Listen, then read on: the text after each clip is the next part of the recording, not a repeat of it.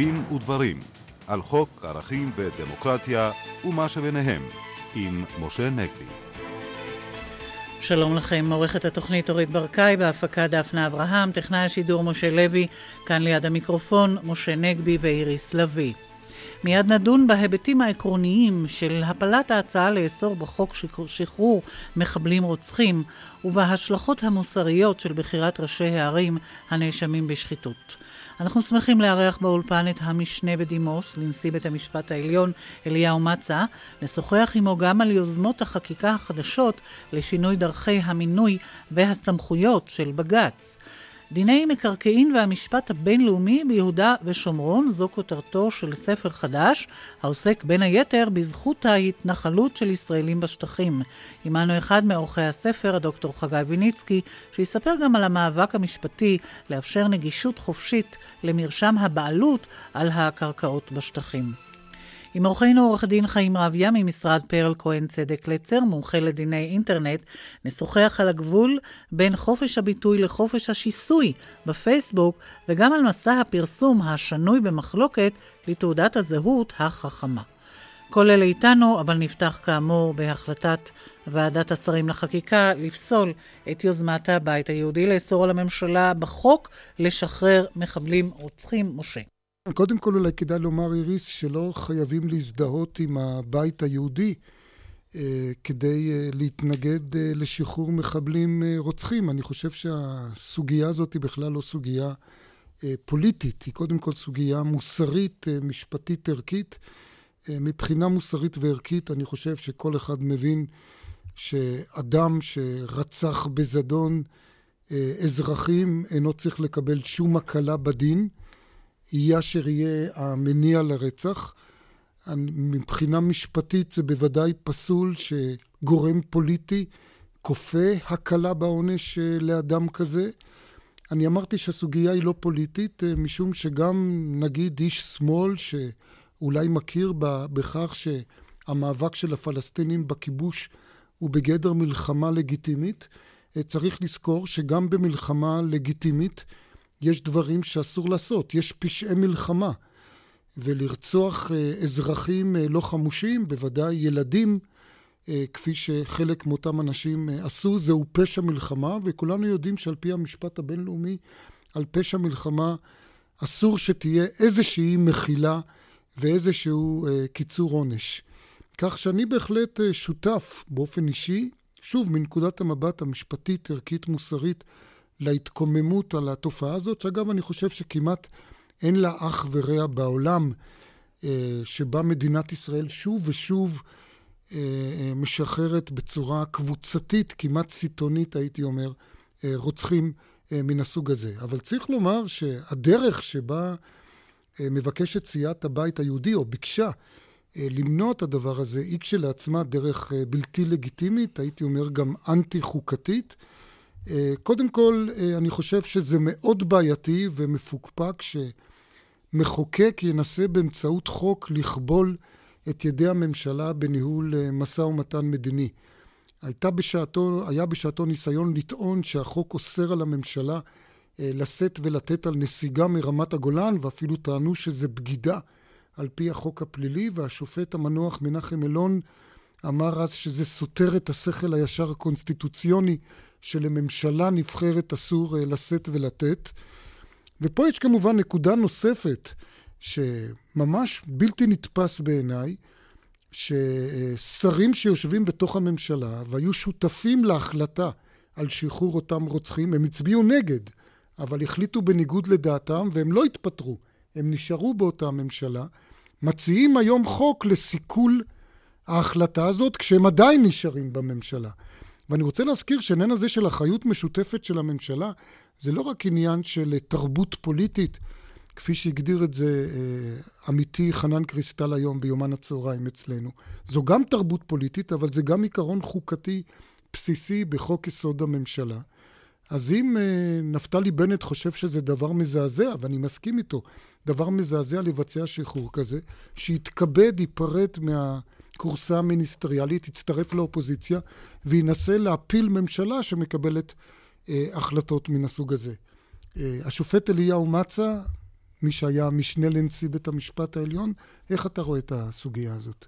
אני, להבדיל ממך, חושב שהחלטת הממשלה לשחרר אסירים היא חלק מהסמכות שלה לנהל את העניינים המדיניים לפי הבנתה. אה, כמובן יכולים להתנגד אה, אה, ציבורית, ערכית, לשחרור של מחבלים רוצחים. אולי אפילו אפשר להשיג, להשיג על הלגיטימיות החוקית או החוקתית של המהלך הזה, שהוא בעצם התערבות פוליטית בהליך שיפוטי שהתקיים והסתיים. אבל את זה יכולים לעשות כל מיני אנשים אחרים, רק לא השרים שקיבלו את ההחלטה בממשלה. אה, ואני לגמרי מסכים לדברים האחרונים שאמרת, שאם הם רוצים לחלוק, אז הם צריכים להיפרד משבטם בממשלה, להצטרף לאופוזיציה ולנהל את המאבק שלהם משם.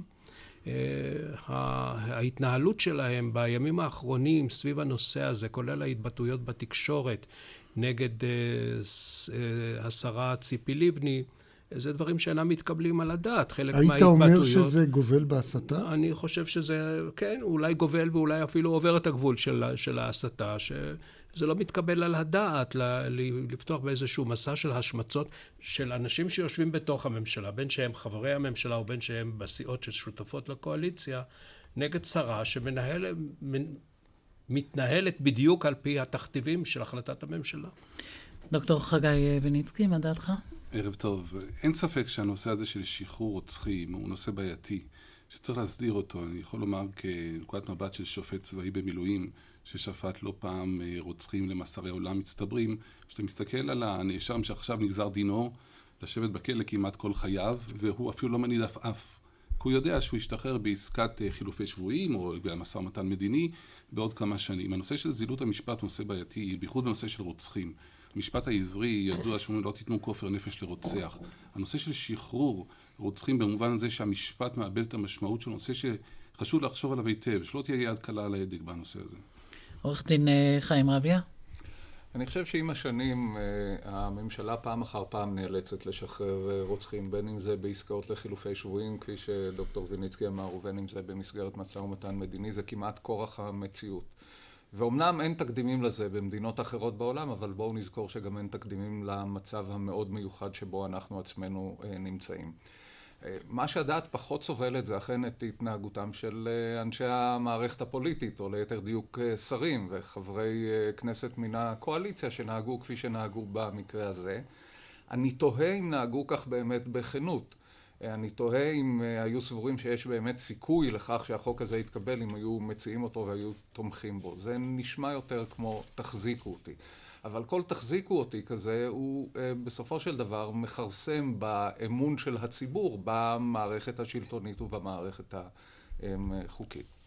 נסתפק בדברים האלה בנושא הזה, ועכשיו אה, הערה ערכית בשולי בחירתם מחדש של ראשי הערים הנאשמים אה, בשחיתות. כן, זה ידוע, איריס, שיש אה, מחלוקת גם בתוך בית המשפט העליון עצמו, אם בית המשפט אה, היה צריך להדיח את אותם ראשי ערים לפני הבחירות, או להסתפק בכך שהוא יגיד שלא ראוי שהם ימשיכו לכהן כאשר יש נגדם כתבי אישום על שחיתות. אנחנו יודעים שהשופט גרוניס בדעת מיעוט חשב שאכן צריך להסתפק בהוקעה נורמטיבית ולא להדיח אותם, ואין ספק שהוויכוח הזה יתעצם אה, שוב אה, אה, עכשיו לאחר שהם נבחרו מחדש, ואנחנו יודעים שיש שוב עתירה להדיחם של התנועה למען... ואז אגב, ומה, הם יודחו לאלתר? תראי, לפי, לפי ההלכה שנקבעה לפחות על ידי השופטת מרים נאור, שהובילה את דעת הרוב בבג"ץ שהיה לפני הבחירות, היא בפירוש אמרה שזה שאותם אנשים ייבחרו מחדש לא מעניק להם חסינות ולא צריך להעניק להם חסינות. אה, מפני הדחה חוזרת. אני אגב, באופן אישי, אם את שואלת אותי, אני אומר, יש פה מחלוקת שהיא בוודאי מחלוקת לגיטימית, ותכף נשמע את אה, דעת אורחינו הנכבדים. אני כשלעצמי נוטה לדעה של השופטת נאור, משום שצריך לזכור, אה, כמו שהיא אמרה, לעמוד מנגד, יש לזה מחיר מאוד כבד מבחינת השחתת הדמוקרטיה. כמו שהיא אמרה, ספק אם הדמוקרטיה הישראלית תוכל לסבול את המחיר הזה. אני רוצה להזכיר שזה לא רק עניין ערכי, זה גם עניין פרגמטי. כי חלק גדול מהעדים נגד אותם אנשים, יש להניח, הם אנשים שעובדים באותה עירייה. וזה יוצר מצב שאותם עדים תלויים בהם, ואם בן אדם לא בחל להשתמש בשררה כפי שנטען בכתב האישום. כדי לבצע מעשי שחיתות, הוא גם לא יבחל כדי להשתמש בה, אולי כדי להלך מורה. אבל אז צריך למהר מאוד את ההליכים המשפטיים, הם הרי רק ספק. נאשמים זה, כרגע. זה ללא ספק, וגם ללא ספק, ואני מקווה שאולי זה יהיה המוצא, שהפתרון הכי טוב היה שימהרו עכשיו ויחוקקו את אותו חוק אה, שהציע שר הפנים, שבעצם ימנע מבג"ץ את הצורך לדון בעניין. אבל ברשותך אני רוצה אה, לומר מילה של חשבון נפש אה, נוקב גם כלפי עמיתינו בתקשורת. אמרתי, הייתה מחלוקת איך העליון היה צריך בדיוק לנהוג, אבל לא הייתה מחלוקת לא בעליון, ואני מקווה שגם לא בציבור, לפחות לא בציבור בכללותו, כנראה שבאותם ערים כן הייתה מחלוקת, שאנשים כאלה לא צריכים לכהן, ואני חושב ש...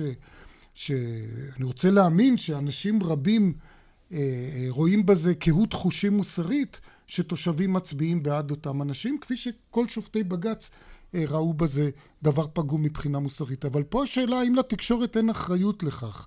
האם התקשורת לא חינכה את הציבור שבפוליטיקה המטרה מקדשת את כל האמצעים, או השורה התחתונה מקדשת את כל האמצעים. אני רוצה להזכיר לך שפרשנים בכירים ביותר בעיתונות הצדיקו בשעתו לא לקדם את החקירות בחשדות החמורים שהיו נגד ראש הממשלה שרון, בנימוק שהוא מגשים מדיניות, ההתנתקות, האתרוג, פינוי התנחלויות, מה שנקרא אתרוג, כן. לשמור כן. עליו כמו על אתרוג, כדי אה, לא לפגוע במדיניות, ואמרו השחיתות יכולה לחכות, זה לא הדבר הכי חשוב. ואנחנו רואים היום, חלק גדול מהעיתונאים מייחלים לשובו למשל של אהוד אולמרט לזירה הפוליטית ולא מטריד אותם שלא מזמן, לפני קצת יותר משנה, הוא הורשע בעבירה של פגיעה בטוהר המידות, הם לא רואים בזה שום בעיה. אז אם ככה נוהגת התקשורת ומחנכת, אם אפשר לקרוא לזה חינוך, זה אנטי חינוך בעצם, התקשורת, מה לנו כי נלין על תושבי בת ים, נצרת עילית ורמת השרון. אה, השופט אליהו מצה איך אתה היית פוסק אם היית עדיין יושב בבג"ץ? אילו, אילו ישבתי בבג"ץ הייתי פוסק כמו הנשיא גרוניס ולא כמו ששת השופטים האחרים. אה, בית המשפט העליון אה, ביקש ליישם במקרה הזה דין רצוי במקום שבו יש דין מצוי מאוד ברור ומפורש.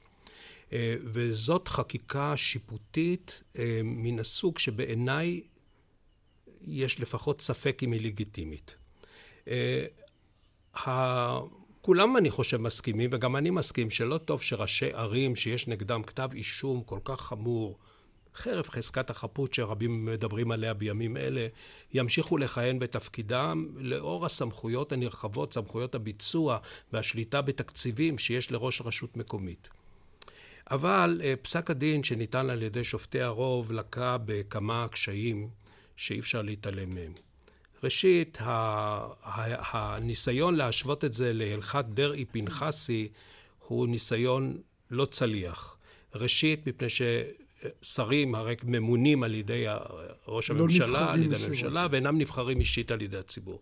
והדבר השני הוא שבתקופת פסיקת הפרשה בעניין דרעי פנחסי, אני ישבתי בעניין הזה, בכלל היה חוק יסוד ממשלה ישן, שלא היה בו בכלל הסדר סטטוטורי, כן.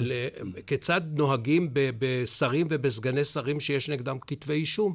גם לא ואז, הרשעה נדמה לי. ואז, וגם לא הרשעה, שום דבר. נכון. ו, ו, אבל uh, בית המשפט שם נכנס לתוך הנישה הריקה הזאת, לתוך הלקונה הזאת, וקבע נורמה שהיא ממשיכה היום ל, ל, לחול. להדהד. ולהדהד גם חרף העובדה שהיום בחוק יסוד הממשלה החדש אה, יש הסדרים סטטוטוריים שהם לא בדיוק תואמים את, ה, את, ה, את, את הלכת דרעי פנחסי. זה דבר אחד. ה, ה, אה, הדבר הנוסף שאני רוצה להגיד שהמסר שבית המשפט שידר בהחלטה הדו-ערכית הזאת, שמחד הם אינם ראויים לשבת על כיסאם יום אחד נוסף.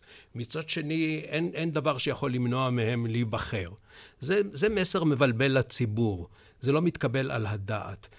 ברגע שאמרת שהם יכולים להתמודד, ממילא אמרת שהם גם זכאים להיבחר. אתה אינך יכול לדבר בכפל לשון בעניין הזה. עכשיו, אני מסכים לגמרי שבית המשפט היום, בית המשפט בפסק הדין הזה סינדל את עצמו למעשה. הראיה שבעניין של אה, לחיאני, גרוניס כבר גרוניס כבר, כן, כן, הוא כפף את ראשו בפני הכרעת הרוב, זה פסק הדין של הרוב.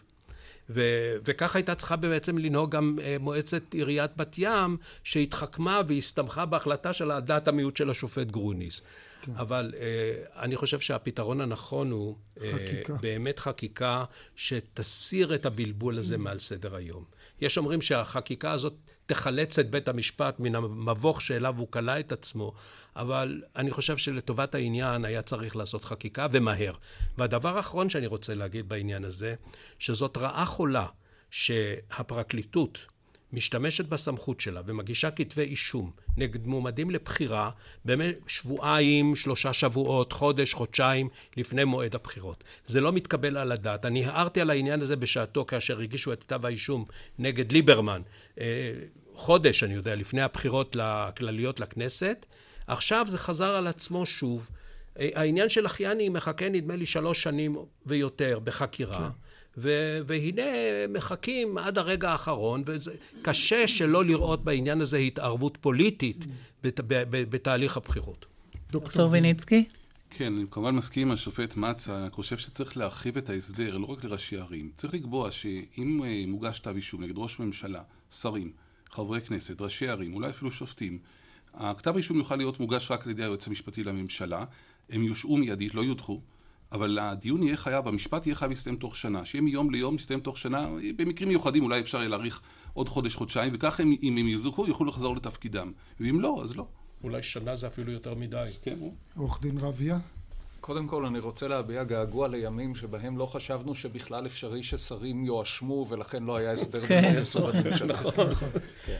אבל אה, אני כמובן מסכים עם הדברים שאמר השופט מצה ואני חושב שבג"ץ אה, תומרן כמעט, שלא בטובתו, למצב שבו אה, ספק אם יכול היה להוציא מתחת אה, ידו פסיקה שתשביע את דעת כולם. כשבאומרי תומרן שלא בטובתו, כוונתי קודם כל לכן לפרקליטות, שמשום מה אחרי שנים ארוכות של חקירה הגישה את אה, כתבי האישום סמוך לבחירות, במקרה של אחייני זה היה שלושה שבועות לפני הבחירות, במקרים של רוחברגר וגפסו זה היה קצת יותר. מה החיפזון? רוחברגר עשה את מעשיו בשנת 2006, אם אני זוכר נכון את הדברים. ותומרן גם על ידי העותרים שהזדרזו לעתור מבלי להבנתי למצות הליכים. והנה דבר מה שאני כאן סביב השולחן הפרקטישנר היחידי, לימד אותי מי שחנך אותי כמשפטן, דוקטור דורי קלצבד, הוא לימד אותי שבמקום שאפשר לסיים דברים בסדרי דין, לא מסיימים אותם בדין המהותי. ואני תוהה מדוע כאן שופטי בג"ץ לא עמדו על כך שהעותר הציבורי ימצה את ההליכים קודם ויפנה אל המועצות ויפנה גם אל שר הפנים שהנשיא גרוניס מאיר בצדק שהחלטתו צריכה לבוא לאחר החלטת המועצה המקומית. גם ההחלטה הזאת הייתה צריכה להתקבל ברוב של שלושה רבעים מחברי המועצה. יש הוראה ב... כן. כן. טוב, נסתפק בדברים האלה עד uh, חמש שנים לבחירות הבאות, ועכשיו אנחנו רוצים לדבר על uh, באמת עם פתיחת מושב הכנסת, שוב עלו הצעות חוק לשנות את uh, מעמדו ודרכי מינויו של בית המשפט העליון. אנחנו חוזרים אליך, השופט אליהו מצה, אתה רואה בזה סכנה לעצמאותו? אני רואה בזה סכנה גדולה לעצמאותו של בית המשפט. זהו ניסיון uh, מאוד בוטה, מאוד גס. לכפוף את בית, להכפיף את בית המשפט העליון להשפעה פוליטית. אה, הדבר הראשון הוא באמת מינוי השופטים. הרעיון לצמצם את חלקם של שופטי בית המשפט העליון בוועדה לבחירת שופטים ולהושיב במקומם אה, שופט מחוזי ואיש מהאקדמיה שייבחר כפי שייבחר לפי השקפותיו, זה, זה רעיון רע מאוד. הוועדה לבחירת שופטים עובדת, אה, אני חושב, בהצלחה רבה מש, משנת תש"ג, נכון? חוק, ה, חוק השופטים מ-1953. כן, אז כאשר מישהו רוצה לשנות שיטה שעובדת יפה ומוכיחה את עצמה במשך עשרות שנים, ואנחנו שומעים את הדברים האלה שוב ושוב, שבמדינות אחרות שממנים שופטים על ידי פוליטיקאים, בפרלמנטים, מושלים בארצות הברית וכולי, אה, מתקנאים בנו על השיטה המוצלחת הזאת. ומי שרוצה לשנות את השיטה הזאת, קודם כל צריך להוכיח שהדבר הזה נחוץ, ואני לא רואה שהוא נחוץ. אה, אני חושב שהבעיה העיקרית היא אה, שמציקה לאלה שמגישים את ההצעות, יריב לוין, איילת שקד וכולי, זה המינוי של שופטים לבית המשפט העליון. קוראים לזה חבר מביא חבר. זאת אמירה חסרת כל בסיס וחסרת שחר. אומרים שלשופטים של בית המשפט העליון יש זכות וטו על מינוים או אי מינוים. אז על אי מינוים נכון, על מינוים לא, מפני שהווטו מצוי דווקא, שם צריך שבעה מתוך תשעת החברים, ושלושה שופטים של בית המשפט העליון לא יכולים למנות, לה, למנות, מ, למנות בעצמם. הדבר השני הוא העניין... יש גם טענה לגבי הייצוגיות או השיקופיות. הדתית, הדתית. זה, זה, זה, זה, עניין, זה עניין שצריך להתבשל בתוך הוועדה עצמה, ואני חושב שהוועדה משתדלת לעשות את זה. אה, במשך שנים חיפשו מועמד ערבי עד שמצאו, וכולי וכולי. אבל uh, הדבר השני שאני רוצה, לה, אני מבין שהזמן הוא קצר ואני uh, אגיד את זה בקיצור. הדבר השני הוא באמת הניסיון להעביר את בחירת נשיא בית המשפט העליון, לבטל את עקרון ה... הסניוריטי ולהעביר את בחירת נשיא בית המשפט העליון לידי הפוליטיקאים בכנסת. סכנה איומה יש בדבר הזה. מה הם מצפים? הם מצפים שתהיה תחרות בתוך שופטי בית המשפט העליון בחיזור אחרי פוליטיקאים שיבחרו בהם. זה מה שהם מצפים. הם שופט מצפים... ירצה לרצות את הכנסת כדי שהיא תבחר בו לנשיא. יכול להיות, יכול כן. להיות. השופטים יחדלו להיות עצמאים ולנקוט עמדות עצמאיות. והדבר השלישי זה העניין של פסקת ההתגברות. צריך לזכור שלנו אין חוקה. וגם אה, חסר לנו, אם, אם רוצים לפחות להשלים את המפעל החוקתי ברוח החלטת הררי, אז חסרים לנו מספר חוקי יסוד, לא אחד. אבל אני מדבר על חוק יסוד החקיקה שהוא איננו. וכמה פעמים ניסו להגיש אותו וזה לא הלך. אה, בארצות שבהן יש פסקת התגברות, פסקת ההתגברות היא מסויגת. אפשר להתגבר על הפסיקה של בית המשפט שפסל חוק לפרק זמן נתון ותו לא.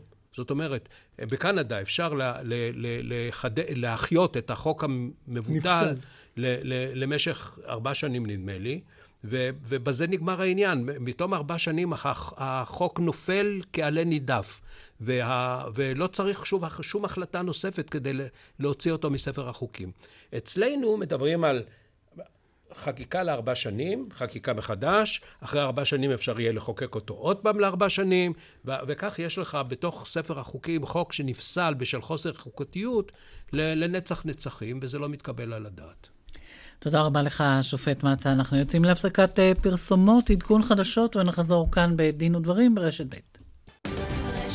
אנחנו כאן ברשת ב' בתוכנית אה, דין ודברים. ביום רביעי הושק הספר החדש, דיני מקרקעין והמשפט הבינלאומי ביהודה ושומרון, היוצא מטעם מרכז אדם ואדמה לציונות, משפט וחברה, דוקטור חגי ויניצקי ממכללת שערי משפט ומעורכי הספר איתנו כאן אה, באולפן, ואנחנו מבינים שיש בו תמיכה בעמדת ועדת אדמונד לוי, כי לישראלים זכות להתיישב ולבנות בשטחים. אכן, הספר נערך עם אה, עמיתי דוקטור הראל ארנון. המטרה של הספר היא לתת במה ראויה לשיח משפטי שעד היום אה, לא זכה מספיק לתשומת לב. למשל, בתחום המשפט הבינלאומי יש לנו שלושה מאמרים שמנתחים את הנושא מכתב המדד ועד היום, ומראים שלמעשה מבחינה משפטית בינלאומית אה, השטחים הם לא שטחים כבושים, אלא נמצאים שטחים שנמצאים במחלוקת, ודווקא לישראל יש את מירב הזיקות לזכות בריבונות. יש לנו מספר אה, מאמרים שעוסקים בדיני המקרקעין, כידוע הנושא הזה ליווה את השיח, ולווה עדיין את השיח המשפטי מגבעת האולפנה דרך מגרון ועמונה. אנחנו מראים שם ניתוח משפטי של ארבעה רבדים. צריך להבין שהדין ביהודה ושומרון שונה לחלוטין מהדין בישראל, מדין עות'מאני, מנדטורי, ירדני וישראלי. ואנחנו מראים שם שלל פתרונות. למשל, בתחום אה, מה שקרה עם גבעת האולפנה, אנחנו רואים שאפשר לפתור את זה לטובת כל הצדדים, גם לטובת העותר, בלי להרוס את הבתים, על ידי שימוש בדיני בנייה ונטייה, שלצערי לא עשו בהם שימוש. אנחנו, יש לנו שם למשל מאמר על מרשמי המקרקעין, ששם אנחנו דנים על זכות העיון במר, במרשמים. הנה, פה אני באמת רוצה, אתה מדבר על מרשמי המקרקעין וזכות העיון, ופה אני מבין גם שממש כרגע... תלוי ועומד הנושא הזה בפני בית המשפט העליון, ואולי כדאי להגיד למאזינים, יש באמת מצב מאוד מוזר וחריג ב- ביהודה ושומרון, או בשטחים בכלל, שבעצם המרשם של הבעלות על המקרקעין הוא סודי כלפי הציבור הרחב. רק הבעלים יכול לקבל אה, אה, מידע מהמרשם על קרקע שבבעלותו, אבל אדם אחר שרוצה לבדוק למי שייכת הקרקע לא יכול לקבל את זה. נכון. לפני כשלוש וחצי שנים הוציא המינהל האזרחי נוהל שלפיו נשללה זכות העיון מהציבור הרחב, ואכן, כפי שאמרת, משה, רק בעל המקרקעין, או מי שיש לו זיקה למקרקעין, יכול לקבל נסח טאבו. זה דבר שהוא שונה בתכלית ממה שקורה בתחומי מדינת ישראל. במדינת ישראל, מי שרוצה לקבל נסח טאבו, ניגש למרשם המקרקעין, וללא כל צורך בהנמקה או בהסכמה של מישהו, מקבל את נסח הטאבו. הנושא הזה באמת התחיל, נמצא בשני הליכים משפטיים שהגיעו לבית המשפט העליון. המינהל האזרחי למעשה ניסה לטעון ארבעה נימוקים למה אה, הנוהל הזה הוא מוצדק. ואנחנו מבקרים את הנוהל הזה אה, בספר, וגם הנימוקים האלה נדחו על ידי שופט בית המשפט המחוזי יגאל מרזל באחד ההליכים שנפתחו בפניו. אני, אני מבין שאחד הנימוקים שאולי הוא המעניין ביותר, שמזכירים במינהל האזרחי שלפי החוק ברשות הפלסטינית אסור למכור קרקעות ליהודים ומי שמוכר דינו מוות, וכאילו הם רוצים להגן על אותו מוכר על ידי כך שלא ידעו מי היה המוכר. אבל זה גם מביא לכך שהקונה לא יוכל להיות בטוח שהמוכר הוא הבעלים. נכון. יש חוק ברשות הפלסטינית שאומר שמי שפלסטיני שמוכר קרקע ליהודים דינו, הוא מואשם בבגידה ודינו מוות. ולכן הטענה במינהל האזרחי, אנחנו שוללים את זכות העיון כדי שקונה לא ידע מי הוא בעל המקרקעין, לא תהיה עסקה, ולכן אותו אה, בעל מקרקעין לא, לא אה, יוצא להורג. אנחנו כמובן לא רוצים שאף אחד יוצא להורג, אבל אני לא חושב שזו ההתמודדות הנכונה עם המצב הזה. מדינת ישראל הייתה צריכה להתמודד עם זה במישור המדיני. ולא בגלל זה לשלול את זכות העיון מכל הציבור, מהציבור הרחב ולמנוע עסקאות ביהודה ושומרון. המינהל האזרחי טען עוד כמה נימוקים שבעיניי לא, לא מתקבלים. נימוק אחד, ששלילת זכות העיון נועד למנוע תרמיות. דווקא שלילת זכות העיון היא פתח לתרמיות. אדם רוצה לדעת מי הוא בעל המקרקעין, הוא לא יכול לדעת מי הבעלים. הוא רוצה לדעת אם המקרקעין רשומים שעבודים או עיקולים או הערות, הוא לא יכול לדעת. דווקא, דווקא שלילת זכות העיון היא פתח לתרמיות. ידועה האמרה של השופט ברנדייס, שאור השמש הוא המחטא הטוב ביותר. השופט אליהו מצה, איך אתה רואה את המצב המוזר הזה? אני חושב שזה מצב לא מתקבל על הדעת. אני לא בקיא במטריה עד כדי כך, אבל אה, מי שירצה לקנות אה, קרקע ביהודה ושומרון, הוא צריך לעשות מין investigation of title, כמו שעשו פעם בבריטניה בימים ההם, וזה לא מתקבל על הדעת לעשות מחקר כדי לגלות את עקבותיו של הבעלים ולזהות אותו לפני שאתה עושה עסקה. אה, החשיבות של ניהול פנקס מקרקעין היא בהיותו פתוח לציבור, לעיון. ואם רוצים להגן על מישהו, אז צריכים למצוא אמצעים אחרים, ולא, חז... ולא הטלת איפול על זהותו של המוכר. כן. אכן, אכן, כפי שהשופט מצ אומר, אחד הנימוקים האבסורדיים זה ששוללים את זכות העיון כדי לא לפגוע בפרטיות. אבל גם במדינת ישראל יש זכות לפרטיות, אבל היא נסוגה בפני מרשם, כי הפומביות של המרשם יש לה תכליות חשובות לתחום המשפט. עוד, עוד איזה נימוק היה שזה אי אפשר יהיה לנהל נכסי נפקדים. אבל למה? אם יש מישהו שהוא נפקד ורוצה להוכיח שהוא לא נפקד, דווקא מהכיוון הפלסטיני. למה לא לאפשר לו לבדוק את זה? זאת אומרת, אני לא מבין את הנימוקים האלה, והנימוקים האלה באמת לא התקבלו אה, על ידי השופט יגאל מרזל, ועכשיו הם נמצאים בערעור בעליון. יחדו שם שני תיקים בנושא הזה, ואנחנו מקווים כן. באמת שלא, אה, שלא יקבלו את, ה, את, הטענה, את הנוהל הזה של המינהל ויקבעו שהוא לא חוקתי. דרך אגב, דוח ועדת לוי, שאנחנו כתבנו לו בזמנו אה, חוות דעת, לגבי הנושא של זכות העיון, קיבל את זה, שצריכה להיות זכות עיון. נזכיר שביום רביעי, כאמור, יושק הספר החדש. אתה שותף לכתיבתו, דוקטור חגי ויניצקי, תודה רבה לך. ועכשיו אנחנו לנושא הבא, גילוייו של סנודן ממשיכים לעשות כותרות, ואנחנו נפנה אליך, עורך דין חיים רבי, מומחה לדיני אינטרנט, וזה אולי ממחיש את הכוח של חופש הביטוי בעידן הזה של ה... המדיה הפתוחה של האוויר הפתוח? זה בעיקר ממחיש את, ה, את היכולת להפיץ מידע מהר מאוד, בלי אפשרות אה, אה, לנטרל אותו ולעצור אותו מרגע שהוא נהיה פומבי. אה, אני חושב שבארצות הברית בוודאי יחרקמו פנים אם ישמעו שאנחנו אה, מגינים על זה דרך אה, אה, חופש הביטוי. מבחינתם זה בוודאי אה, עבירה על חוקים לאומיים בנושא... ההדלפה וכולי וההדלפה. לא רק בארצות הברית, גם אצלנו אנחנו זוכרים ששלחו לכלא על הדלפות של חומרים מסווגים. בהחלט, וענת קם היא הדוגמה האחרונה, כן. עורך דין רבי, אני באמת חושב שהפרשה הזאת של סנודן, מצד אחד, כמו שאמרה איריס, באמת זה ממחיש, ואתה אמרת גם, זה את יכולת התפוצה הענקית של מידע. מצד שני זה גם ממחיש שבכל זאת, גם באינטרנט יש גבולות חוקיים לאפשרות פרסום המידע. הראיה שאותו סנודן צריך להסתתר ברוסיה, כנראה למולדתו הוא כבר לא יוכל לחזור, הוא בחזקת עבריין נמלט אה, שם. וגם אצלנו, אנחנו יודעים, יש תביעות דיבה, לאחרונה הייתה תביעה מעניינת, אולי תספר על זה. כן, אז ראשית הערה, הפרשה של סנודן היא לא קשורה במישרין לאינטרנט. האינטרנט הוא אחד הכלים שדרכו מופץ המידע, אבל היא לא פרשה של משפט ואינטרנט אה, אה, מובהקת, ואכן סנודן אה, מסתתר במדינה שידועה בהקפדתה על זכויות האדם, ברוסיה. אה, כן, ואתה מכוון, אה, משה, לפסק הדין של בית המשפט המחוזי בירושלים, השופט רפאל יעקבי, בנושא אה, אם תרצו. אם תרצו היא עמותה עמותה ששמה לה למטרה אה, לחזק את התודעה והתובנה הציונית הקלאסית, כך היא מציגה את עצמה בכתב התביעה, והיא תבעה לא פחות מאשר 2.6 מיליון שקלים ממי שמפעילים קבוצה בפייסבוק, וכותרתה של הקבוצה היא אם תרצו תנועה פשיסטית. והיא תבעה זאת בגין לשון הרע, כאשר uh, לשון הרע היא מצאה תחילה בשמה של הקבוצה, ולאחר מכן באחד מן הפרסומים בה, uh, פרסום שאמר, רגע, אני רק אצטט אותו uh, כלשונו, ואקפיד לומר שהפרסום המסוים הזה נמצא כלשון הרע. זה פרסום ששאל, סבי אינו יהודי טהור, האם אני יכול לצעוד בקבוצתכם מחר במצעד זכויות האדם. אז הפרסום הזה מבין השלושה נמצא להיות לשון הרע. והפרסום השלישי אמ, השווה קריקטורה שפורסמה על ידי התנועה כנראה אה, לקריקטורות של הדר שטירמר.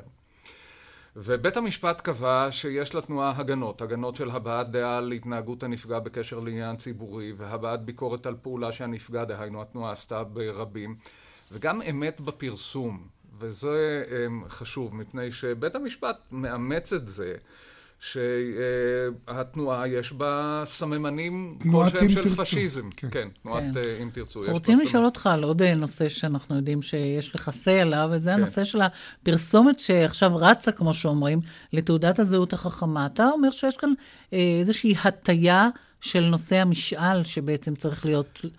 לנו, אני, לציבור, אני, סביב הנושא הזה. בהחלט, ואני אומר על זה אה, מילה, רק אשלים ביחס לפסק הדין המסוים הזה, כי הוא מאוד מעניין. נמצא, ש, אה, או בית המשפט קובע, שמותחי הביקורת דיברו אמת כשהצביעו על שימוש במכשיר שבו השתמשה התנועה הנאצית בשעתה, הקריקטורה.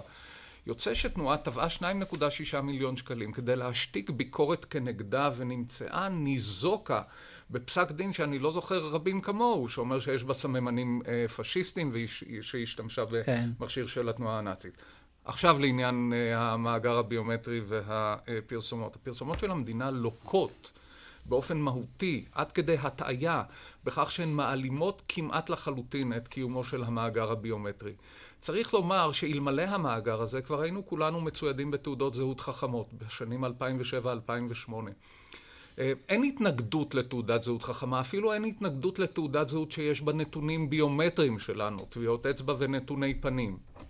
ההתנגדות שעורר החוק היא בגלל הקמתו של מאגר מרכזי שבו יאגרו הנתונים הללו שלנו, כן. ומהם יוכלו לעבור בין השאר, לפי החוק, למשטרה ולשירות הביטחון. הסכנה הזאת לא מופיעה בכלל בפרסומות. לחלוטין לא. אני מאמין mm-hmm. שלו היה גורם פרטי מפרסם את הפרסומות האלה, הממונה על הגנת הצרכן היה נוקט נגדו הליכים משפטיים בגין הטיית צרכנים, ואפילו זוכה בהם בקלות יתרה. המדינה מטעה אותנו בפרסומותיה. אנחנו נסתפק אה, בדברים. באמירות שלנו נגד הזמן הגיע לסיומו. תודה לכל האורחים, לשופט אליהו מצה, לדוקטור חגי ויניצקי, לעורך דין חיים רביה, העורכת אורית ברקאי, המפיקה דפנה אברהם. באולפן היינו משה נגבי ואיריס לביא. ניתן להאזין לנו באתר רשת ב' אה, באינטרנט. ורגע, תודה גם למשה לוי כמובן על הביצוע הטכני. אנחנו נשוב בשידור חי של דין ודברים ביום ראשון הבא אחרי חדשות שבע, אחרינו כאן, מהדורת מבט מהערוץ הראשון. ערב טוב.